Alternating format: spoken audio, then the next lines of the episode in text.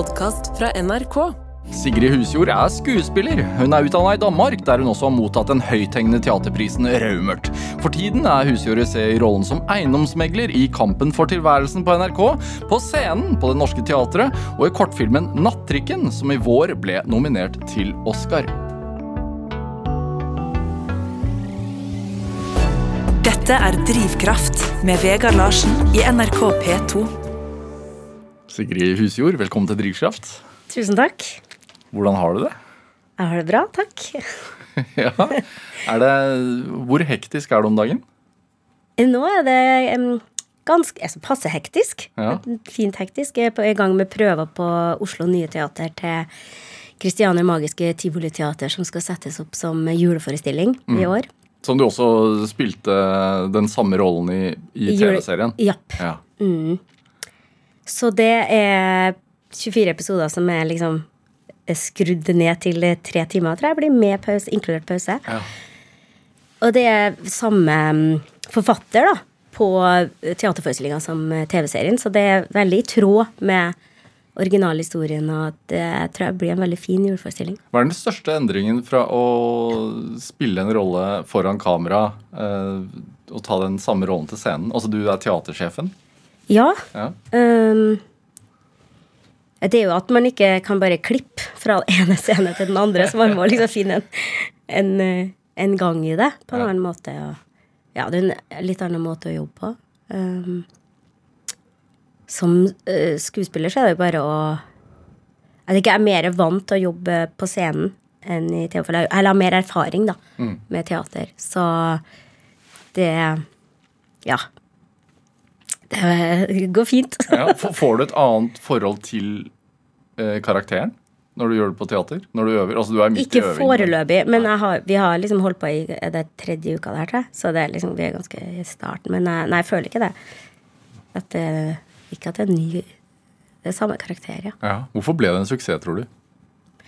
Jeg tror det handler om at det, det er litt sånn de fatt, Det er litt sånn Charles Dickens-aktige stemninger og litt sånn gammeldager. Så det blir på en måte veldig fine kostymer, fine bilder og en sånn historie om eh, fattige som trenger hverandre, da. Det er samhold. Det handler om uh, å være sammen.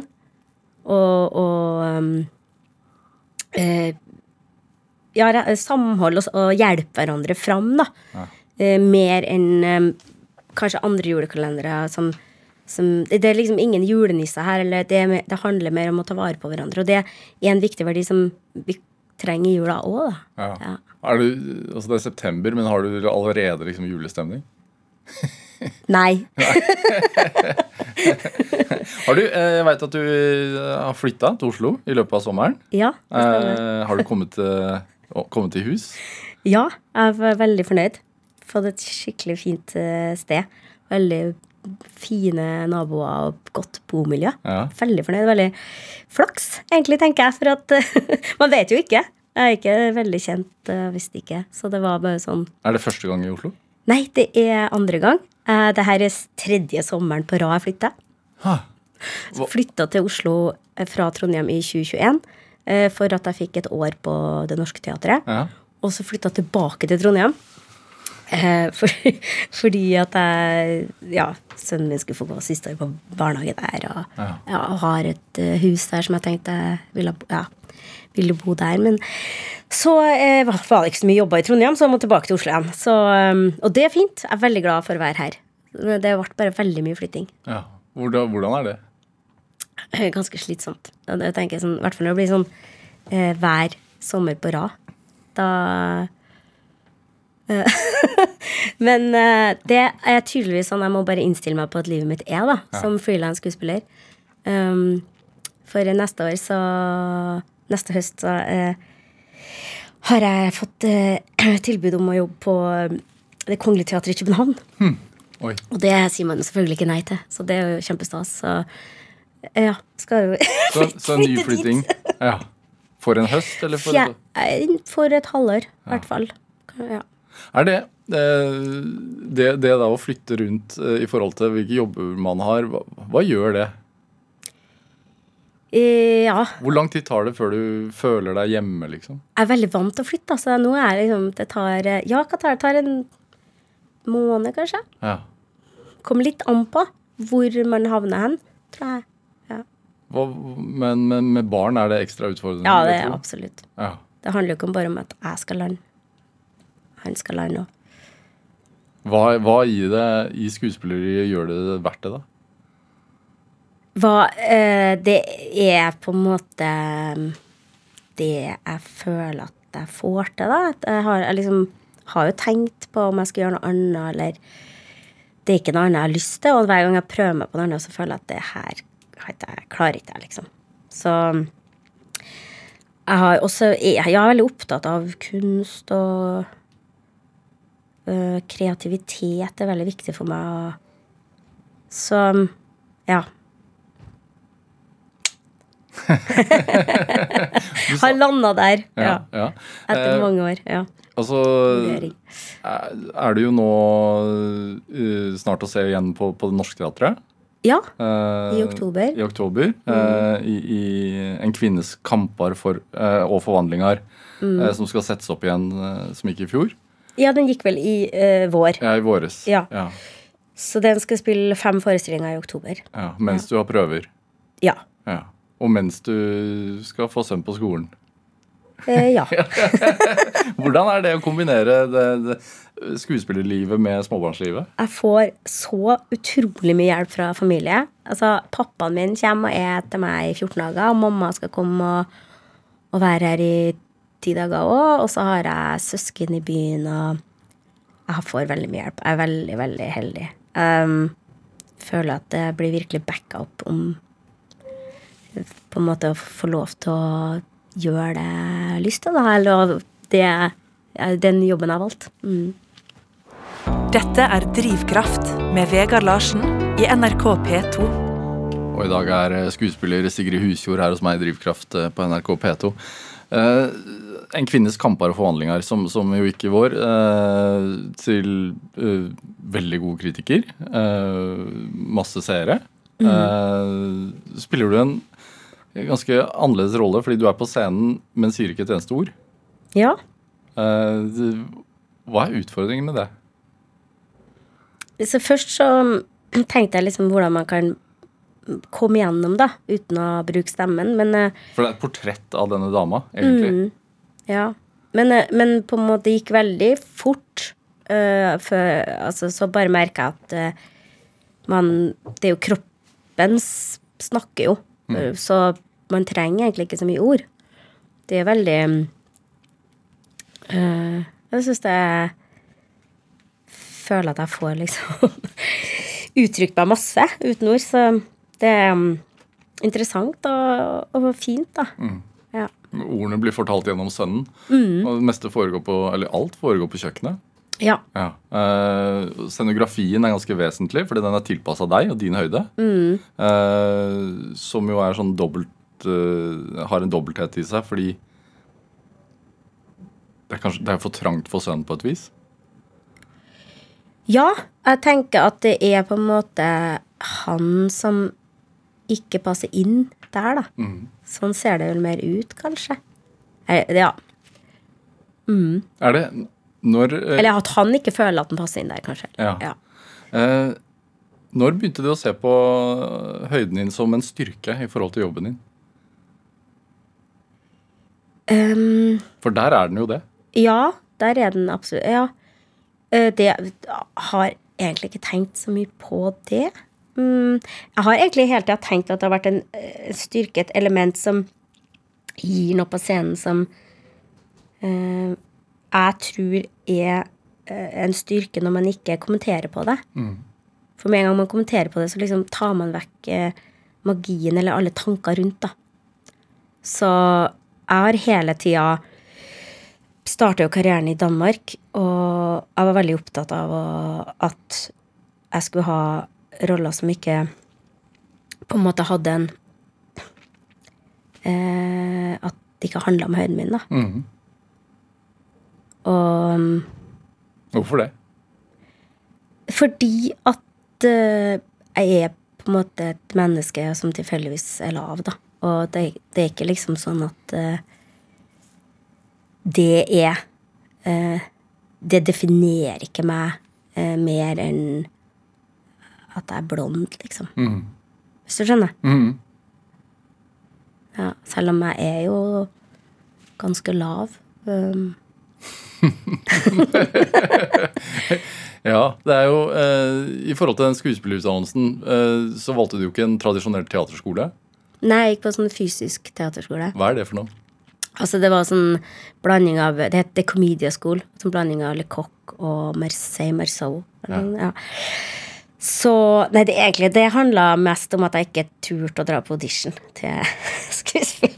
uh, eh, Statens teaterskole, da. Hvorfor det? Jeg er veldig redd for audition. Jeg vet ikke, Det blir sånn press. Det blir sånn jeg Skal pre- prestere der og da. Så nei, det unngår jeg fortsatt, da. Eller ja, jeg klarer castings, da. Sånn jeg begynte å liksom Å sende inn video og Ja, eller, sånn? eller dra på ja, audition. Ja, sånn, begynte, begynte å bli litt bedre på det. Jeg skjønte at det må jeg, liksom. Ja. Men, eh, men det var egentlig hovedgrunnen til at jeg ikke eh, At jeg valgte den skolen, da, for det var ikke noe sånn opptaks Jeg måtte bare skrive et brev og liksom ha lyst til Men deretter så er det jo også en skole hvor det ikke er sånn Det var litt forskjellig motivasjon, da, elevene hadde. Så det, På hvilken måte? Nei, det var noen i klassen min husker jeg, som var, sånn, var der mest for sånn selvutvikling. Som også er interessant, men hvis du har lyst til å holde på med liksom, scenekunst og på en måte framføre noe for et publikum, og noen andre tenker nei, jeg gjør det bare for min egen del, så er man på forskjellig plass. Og det var noe sånn gruppe, gruppesamarbeid som ble litt sånn tungvint. Men andreåret gikk mye bedre, da. Da var det liksom Dem som var igjen, var dem som ville jobbe med Hva slags skole er det? Det er en, en fysisk teaterskole. Hva, hva er det? ja, hva er det? Ja. Det, vi starta liksom med å ha maskearbeid. Og så Hva er det? Altså at du lager en Det er forskjellige typer masker. Det finnes jo masse forskjellige masker, da. ja, altså faktiske fysiske masker? Ja, fysiske masker, ja. Ja. Som man jobber med. Og da det handler det veldig mye om, om kropp. Eh, bruk kroppen og kroppsspråk. Og, ja. og så kan man ha masker forskjellige plasser på kroppen. Og eh, kan eksempel ha masker bak her, og så liksom stå eh, bak eh, Hva skal jeg si Bak fram. Ja. Eh, så det starta vi med, og så var det eh, storytelling. Og så var det mm, jeg husker ikke alt eh, Det er noen år siden det her, da. Og så var det avslutta med, med klovn første året. Som er egentlig veldig vanskelig. Eh, og så andre året så var det mer sånn tekstarbeid. Da vi liksom sjekka og var litt uh, um, Shakespeare og eh, Buffon. Som er liksom den mørke klovnen og Commedia dell'arte. Hadde noe an mer jo, eh, Kabaret. Kabaret hadde vi òg. Og så akrobatikk. To dager i uka. Så en sånn fransk det, det- Fransk eh, Altså den fransk type skuespillerretning fra Ja, Le Coq er vel fransk. Ja. Eh, og også sånn varieté og Ja, Ja. ja litt sånn. Er det Du sier at noen gikk der for selvutvikling, og andre hadde sceneambisjoner. Hva var din ambisjon? Sceneambisjoner. jeg hadde liksom holdt på litt med, med skuespill på Jeg hadde gått eh, eh, dramalinje eh, på Ringve videregående skole i Trondheim. Og eh, hadde også gått på sånn eh, Granskogen het det, som var sånn forberedende grunnkurs med teater som man kunne gå Liksom hadde eh, praksis to dager i uka. Så da hadde jeg teater to dager i uka. Det var sånn mellom ungdomsskolen og videregående. Og så på ungdomsskolen tok jeg drama som valgfag. Så jeg hadde liksom hatt en del teater, så det var liksom det som var um, inngangen min til det. Hvorfor, det, hvorfor den veien? Unnskyld? Hvorfor, hvorfor det ønsket? Altså allerede i, i ung alder?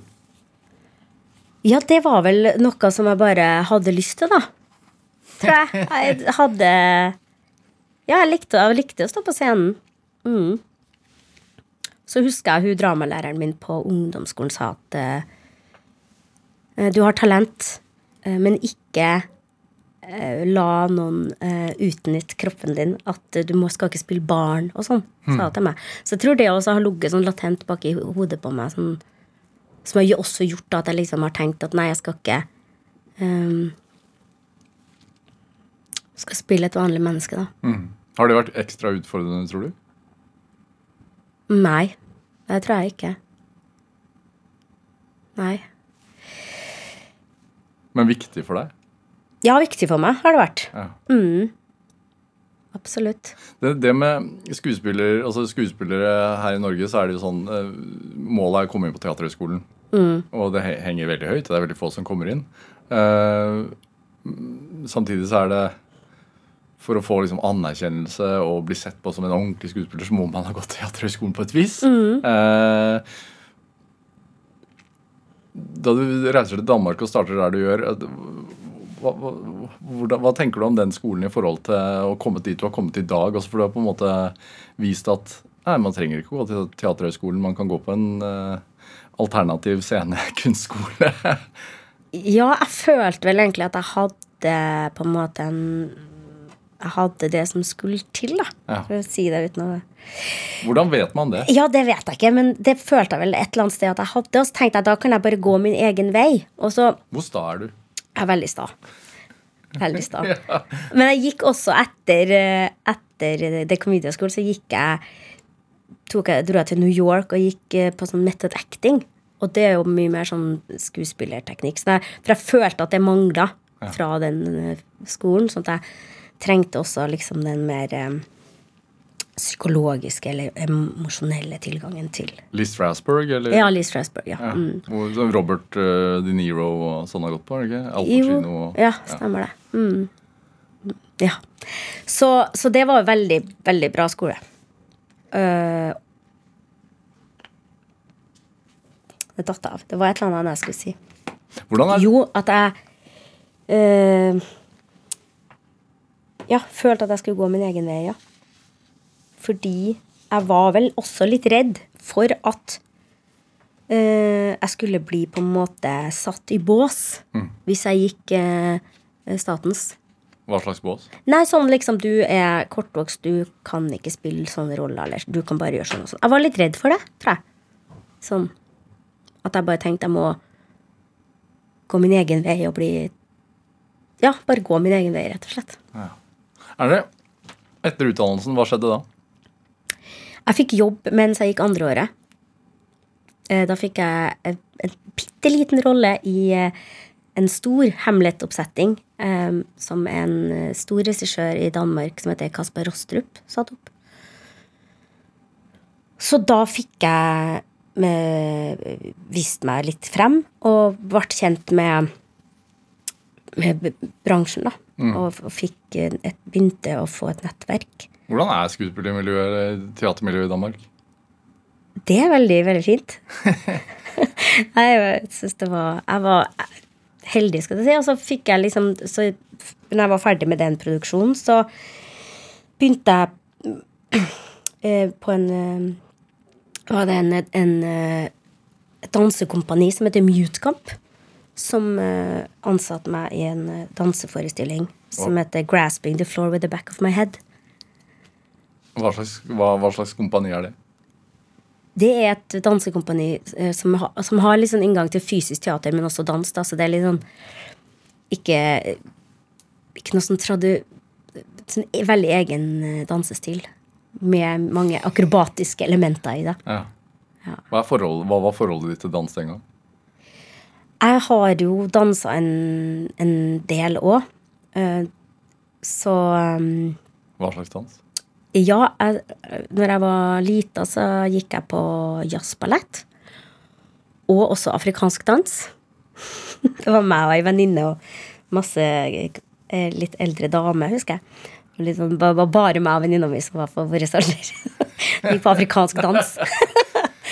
Eh, og så dro jeg til Ghana på et tidspunkt og ble med i en sånn dansetrupp. Eh, Så da var jeg der i mm, tre, tre måneder og dansa.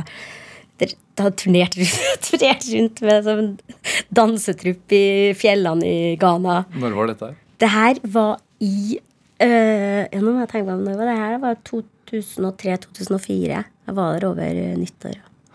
Hva i all verden? Hvordan finner, Ja. man, finner man på noe sånt? Ja, det er Veldig impulsiv og veldig sånn Nei, nå skal det skje noe helt nytt.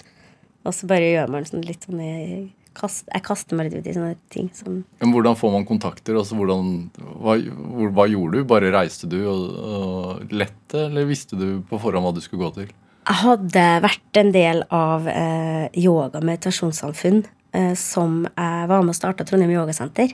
Og det er en sånn internasjonal organisasjon som har på en måte barnehjem eller sykehus eller senter over hele verden. Så det var egentlig at jeg på en måte øh, ville tilbake til en sånn kreativ del i livet mitt, og så fant jeg ut at jeg måtte liksom til Afrika, da. Jeg vet ikke, jeg vet ikke hvorfor jeg tenkte det, men da tok jeg kontakt med et barnehjem der, da, i altså, til den organisasjonen. Så liksom dro jeg ned dit, eh, helt åpen. Se hva som skjer. Hadde du vært, vært der før? Aldri. Nei, hadde du vært i Afrika før? Nei. Men da han jeg litt sånn afrikansk dans, da. Ja. Og litt sånn Michael Jackson-aktige greier. Det er veldig komisk, egentlig. Hva sier det om deg om å gjøre noe sånt? Aner ikke. Men, det vil ikke jeg vurdere. men er det Vil noen si at det, det er typisk? Det, det vet jeg ikke. Men også når jeg kom tilbake derfra, så begynte jeg og Da fant jeg ut sånn Å, jeg har lyst til å gjøre mer dans. Og så begynte jeg på eh, en eh, sånn um, Extended Art of Dance i Tønsberg. Jeg bodde et år i Tønsberg. Flytta igjen, altså? Ja, flytta igjen, ja. Ja, ja. Alltid på flyttefot. Nei da. Eh, så Og da gikk jeg på um, eh, moderne, moderne, ja. Og jazz. Og locking. Og så sa jeg til hun danselæreren sånn at jeg ville gå på advanced, selv om jeg ikke var på det nivået, bare for at jeg trengte liksom noe å på en måte klatre opp mot, da. Så det fikk jeg lov til. Og gikk liksom, ja, et semester da, på det.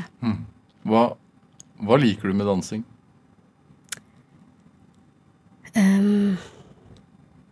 Det er noe med å få lov til å være litt sånn eh, ekstrem i uttrykket, da. Hvis du eksempel skal um, være skuespiller, så hvis man på en måte gjorde sånn med kroppen, så ville det være overspill, ikke sant? Ja, Og for så det få lov til å liksom bare kaste litt og være litt sånn fri, da. Ja, fordi mye skuespilleri handler jo om å låse fakter og Ja, jeg vet ikke helt, men det er i hvert fall underspille mer enn overspille, i hvert fall. Ja, altså, føler liksom når man danser, så kan man bare eh, Innafor en viss kontroll bare kaste seg litt eh, Følelsene kan være litt større, kanskje, eller jeg vet ikke. Ja. Ja. Det er jo um, Du har med en eh, låt hit, eh, Sigrid Husjord, uh, som ikke jeg har hørt før. Nei, det var den jeg dansa solo til i den der 'Grasping the Floor with the Back of My Head'. Ja. Danseforestillinga. Hvordan Klarer du å beskrive den soloen? Ja. eh, det Oi, det er jo mange år siden. Jeg var 2008. Um, den var um, veldig fysisk. Veldig sånn uh, Kasta meg rundt og Sånn eh, akrobatisk solodans, vil jeg kalle det for. Det som gjør at jeg på en måte valgte den, var vel kanskje for at jeg ville fortelle litt om eh, hele den opplevelsen med den forestillinga og den, det kompaniet som eh, Vi var på turné. Vi hadde, det ble en stor suksess, da, den danseforestillinga. Vi var mm, i eh, Dublin Fringe Festival og Cairo International Festival for Experimental Theatre nede i Kairo og spilt på ei eh, flytebrygge på Nilen. Og, og det var liksom åpent. Det var tak over scenen, ellers var liksom publikum satt liksom åpent. Og så var det en sånn Kom en sånn eh, Jeg tror det var en eh, synagoge eller moské kanskje, som hadde en sånn eh, seremoni. Eller så det kom en sånn shanting-sang som liksom tuna seg inn på starten av liksom For vi har en sånn start hvor vi synger sammen.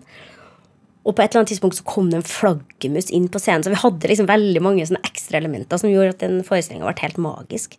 Og da vant vi en gullsfinks for beste forestilling. Og publikum eh, her i, i Norge og i Danmark så reiser publikum seg om, opp når man syns en forestilling er bra. Men der så reiser de seg opp og løp ned på scenen.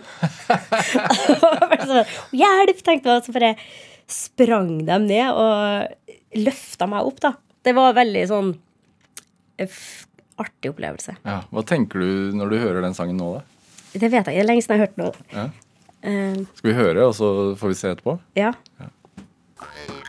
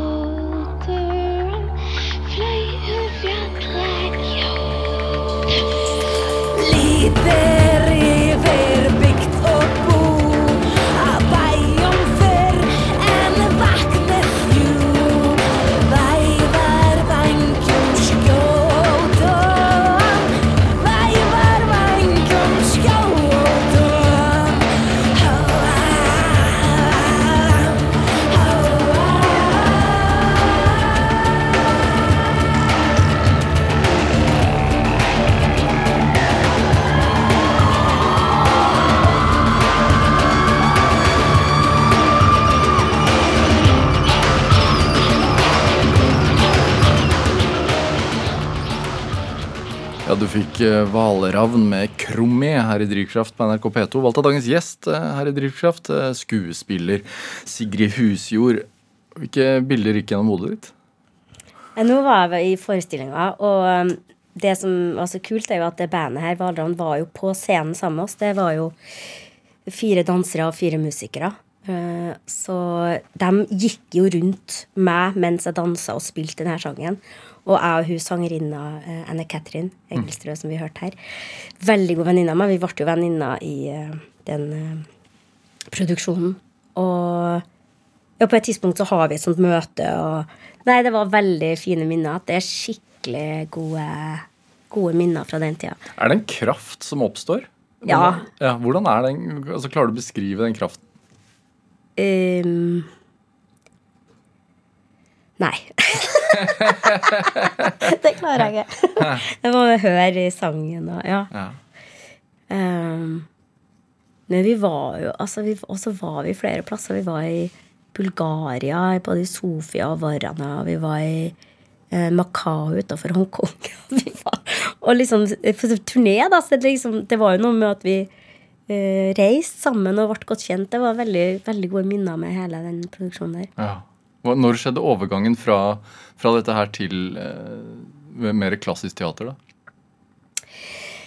Det eh, var liksom veldig lenge på en måte litt sånn eh, Med sånn teaterkompanier og spilte på Jeg vil ikke si små scener, men kanskje ikke på de store institusjonsteatrene i Danmark, da. Som jeg Jeg syns vi gjorde masse bra. Jeg jobba med Etter det her, så For å huske litt hva jeg jobba med. Men jeg jobba med en som heter Christian Ingemarsson i Danmark, som er veldig dyktig. Også sånn fysisk teateruttrykk.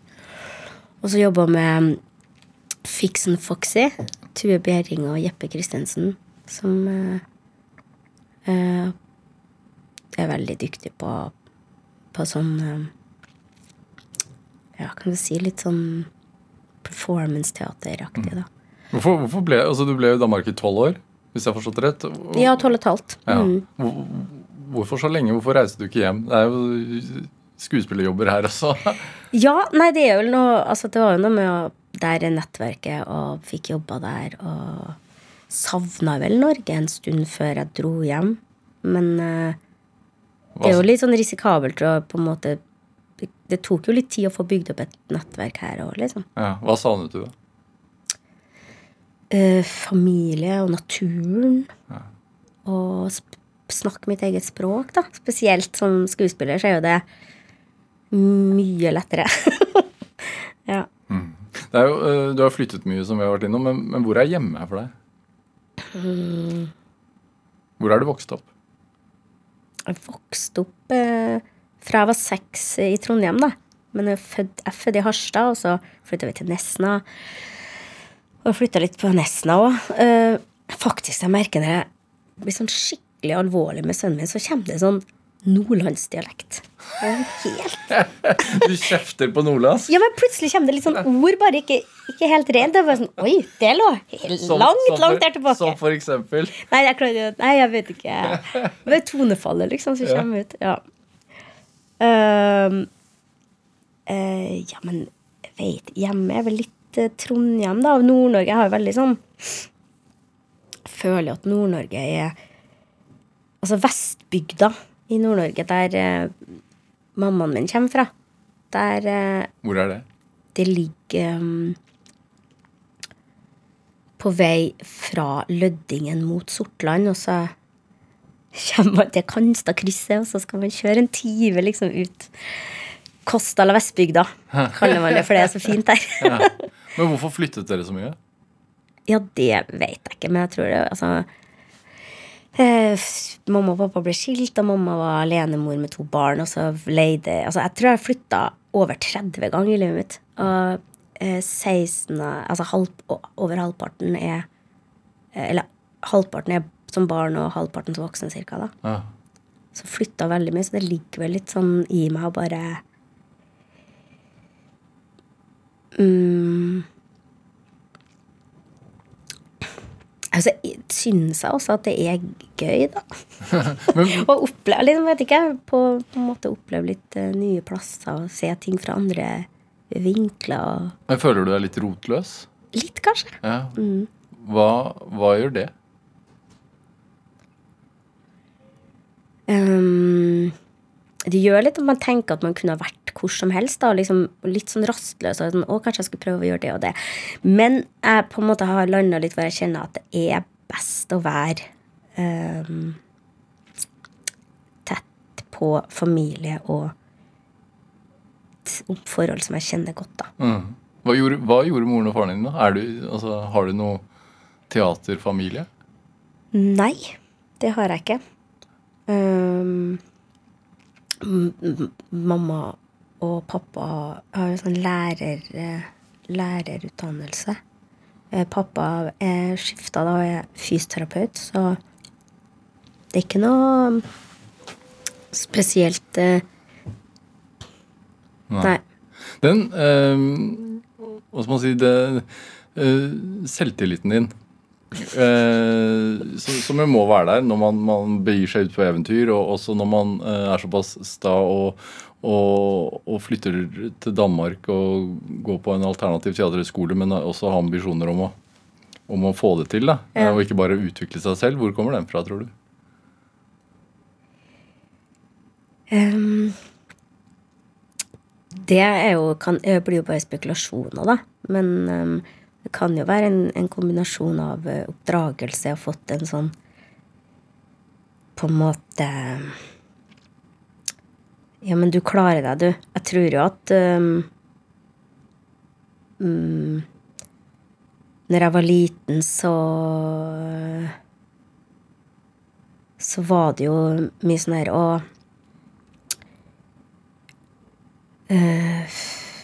foreldre skal forholde seg til at barnet er kortvokst, og så blir det mye sånn um, uh, syr, da. Med kanskje sånn Jo, bekymring, hvordan skal dette gå? Sånn, så tror jeg i hvert fall mamma var veldig sånn her Nei, det her gidder vi ikke å forholde oss til. Vi klarer oss sjøl. Og så Hun har alltid sagt til meg sånn Du klarer deg, du har bare litt større utfordringer. Mm.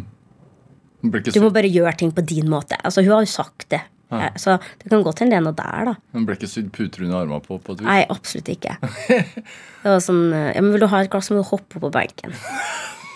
Jo, jo, jeg hoppa opp på benken Ja. fra ganske ung alder. Ja.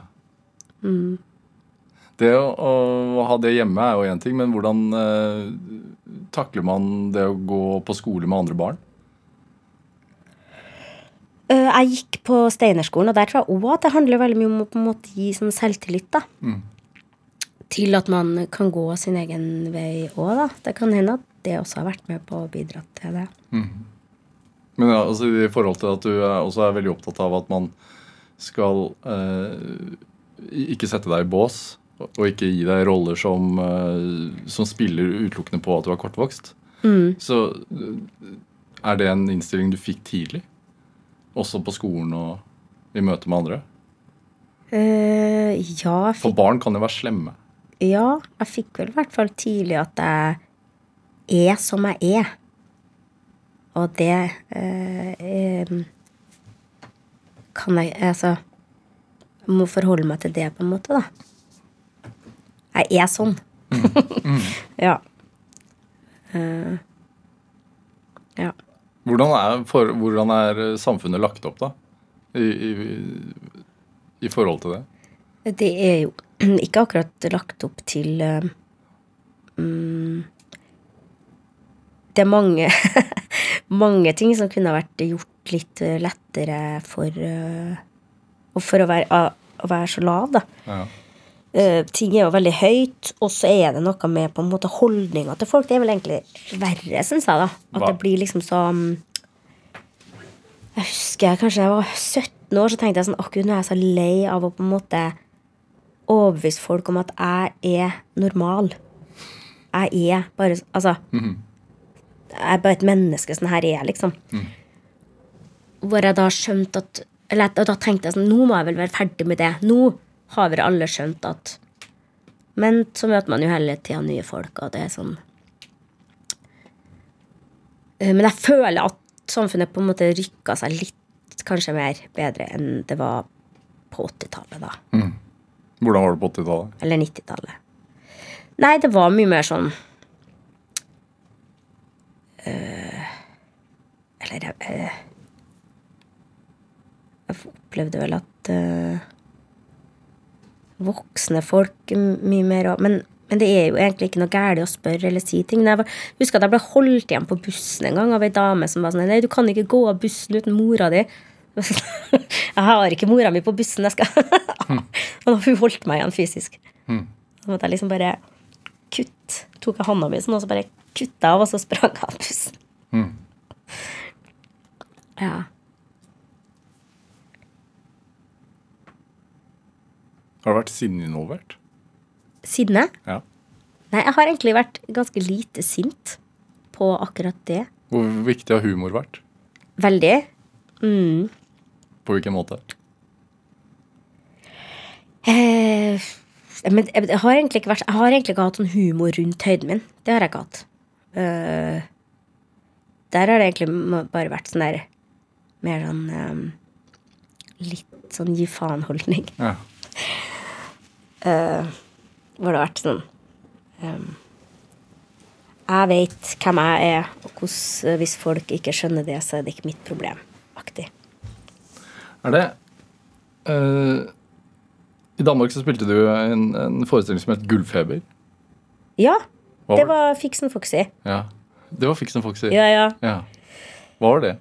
Du, det var eh, Hvis du kjenner Charlie Chaplin-filmen, Gold Rush, eh, som er en veldig gøy film, som mm, ble på en måte satt opp med sånn idé om at vi skulle være sånne ikoniske karakterer som man på en måte velger ut sånn at uh, Chaplin ble spilt uh, det, Han var den eneste som ikke fikk en sånn kjent ikon... Uh, han var spilt av en spastiker. Og så var på en måte han eh, Jeg som spilte Black Larsen, som er den um, litt eh, En tyv eller noe sånt, tror jeg. Ja. Eh, som er på en måte Så var, vi var liksom skuespillere som hadde fortolka rollen. Det var liksom en sånn metalag som var humor. Så da hadde jeg liksom fortolka den som eh, Pam Greer, da. En Sånn eh, Blaxploitation eh, Fra den tida hun var i sånn Blaxploitation-filmer. Og så hadde jeg tolka Georgia-rollen som Marilyn Monroe. Og så var for eksempel han kjekke fyren som var på en måte kjæresten til Georgia, han hadde fortolka rollen sin som eh, David, David Hasselhoff, han fra Baywatch. Og nå husker ikke jeg alle de andre fortolkningene, men det var veldig morsom forestilling.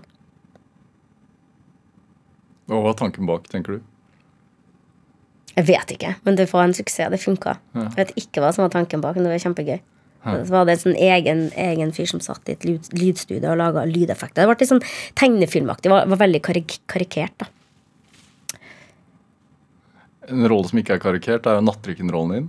Ja, den er ikke så Ja. Eh, kortfilmen som jo ble Oscar-nominert. Eh, hvor du stjeler en trikk. um, det å bli Oscar-nominert Hvor høyt henger det? Ja, det er jo veldig høyt, da. Det er jo helt På en måte kan jeg Sånn i, i filmbransjen kan det jo ikke bli eh, større, tenker jeg, da. Nei. Det er jo veldig vilt. Hadde liksom ikke sett eh, den komme, da. Betyr det noe for deg personlig? Sånn, Altså, du har vunnet eh, flere priser, og blant også blitt nominert der, da. Ja, det betyr absolutt noe. Hva da? Det det legger seg en sånn På en måte et eller annet sted inni Sånn dypt inni så legger det seg en sånn uh, uh, Sånn behagelig sånn Ja, wow! Det der eh, Den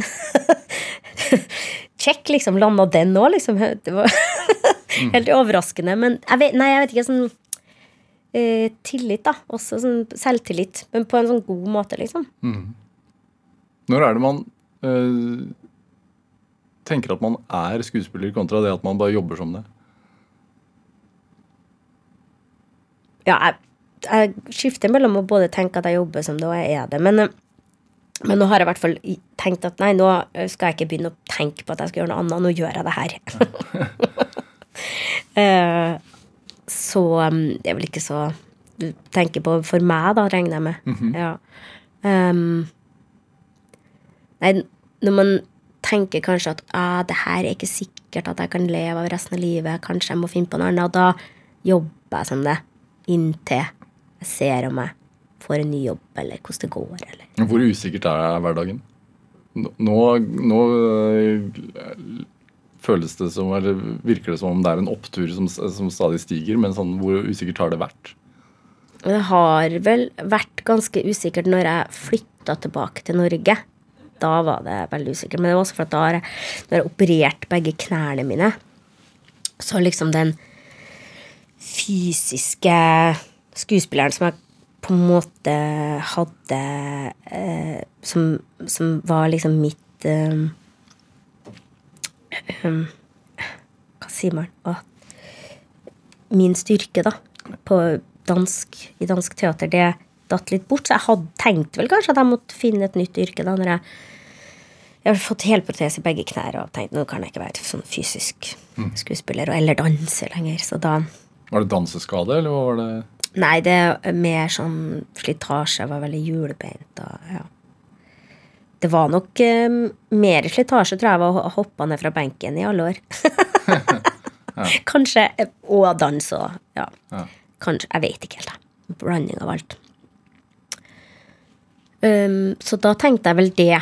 Uh, og så bare Ja, livet tar meg bare Så kom jo Nattrikken, faktisk, som Og så fikk jeg jobb på Turnéteatret i Trøndelag, og jeg vet ikke, det var Jeg, ble, jeg flytta til, til Trondheim, og så ble jeg vel ganske fort eh, spurt om å være med i en forestilling på Odense teater, så dro jeg tilbake til Danmark igjen eh, og, da, og jobba. Så da var jeg litt sånn Å ja, de har Ja. Så mm, mm, Ja. Hvordan, hvordan takler man en sånn usikkerhet? Eh, Det er bare å være åpen, tror jeg. Veldig åpen til at alt kan skje. Og, og så er det liksom sånn uh, Når man er på en måte fra Norge og har eh, relativt um, uh, Familien har en Man kan dra hjem og, og bo til mamma hvis det går helt galt, liksom. Eller pappa. Jeg skjønner. Det kan, man havner ikke i rennesteinen. Sånn tenker jeg ofte. sånn, Det kommer jo ikke til å skje. Sånn at da Ja, ja. Satse, satse litt. ja, sikkerhetsnettet gjør at det ikke er så farlig. Ja, jeg tror det er liksom mer modig å bare gjøre sånne ting hvis man på en måte kommer fra et land hvor det ikke er sånn man ikke har velferdsstaten og, og ting og Man har jo litt sånn det, eh, Hva det sa du? Puta under armene i, i Norge, da, kanskje?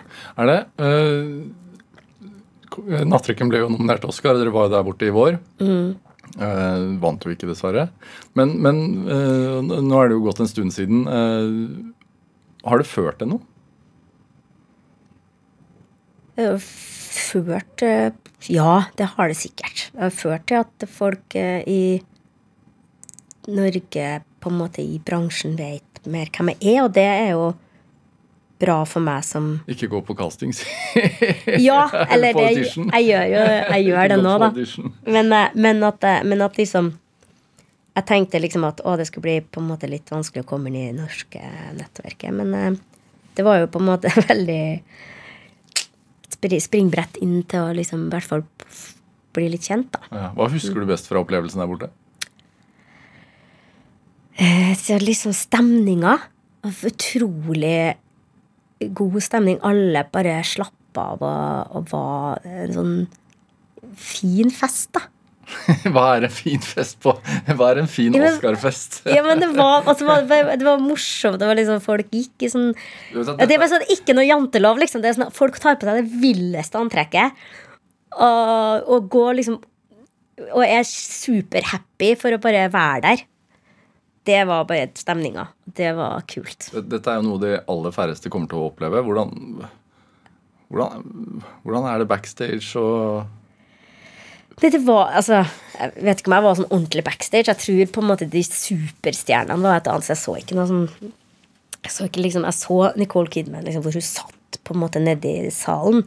Men hun var ikke og mingla der jeg var og mingla. Eller så så jeg bare ikke hun.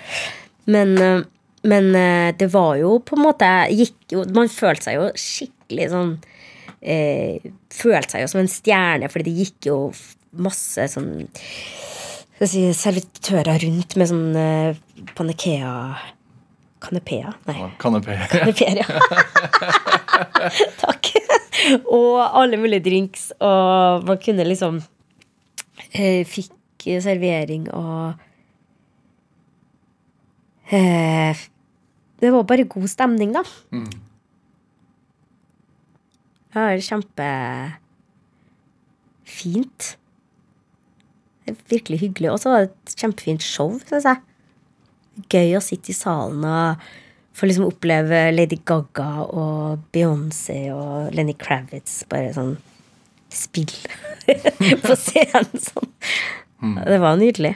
Er det, det det med motivasjon Altså når man når sånne høyder som det eh, Men samtidig som man har et såpass usikkert yrke som du, det du har altså Hvordan motiverer man seg videre?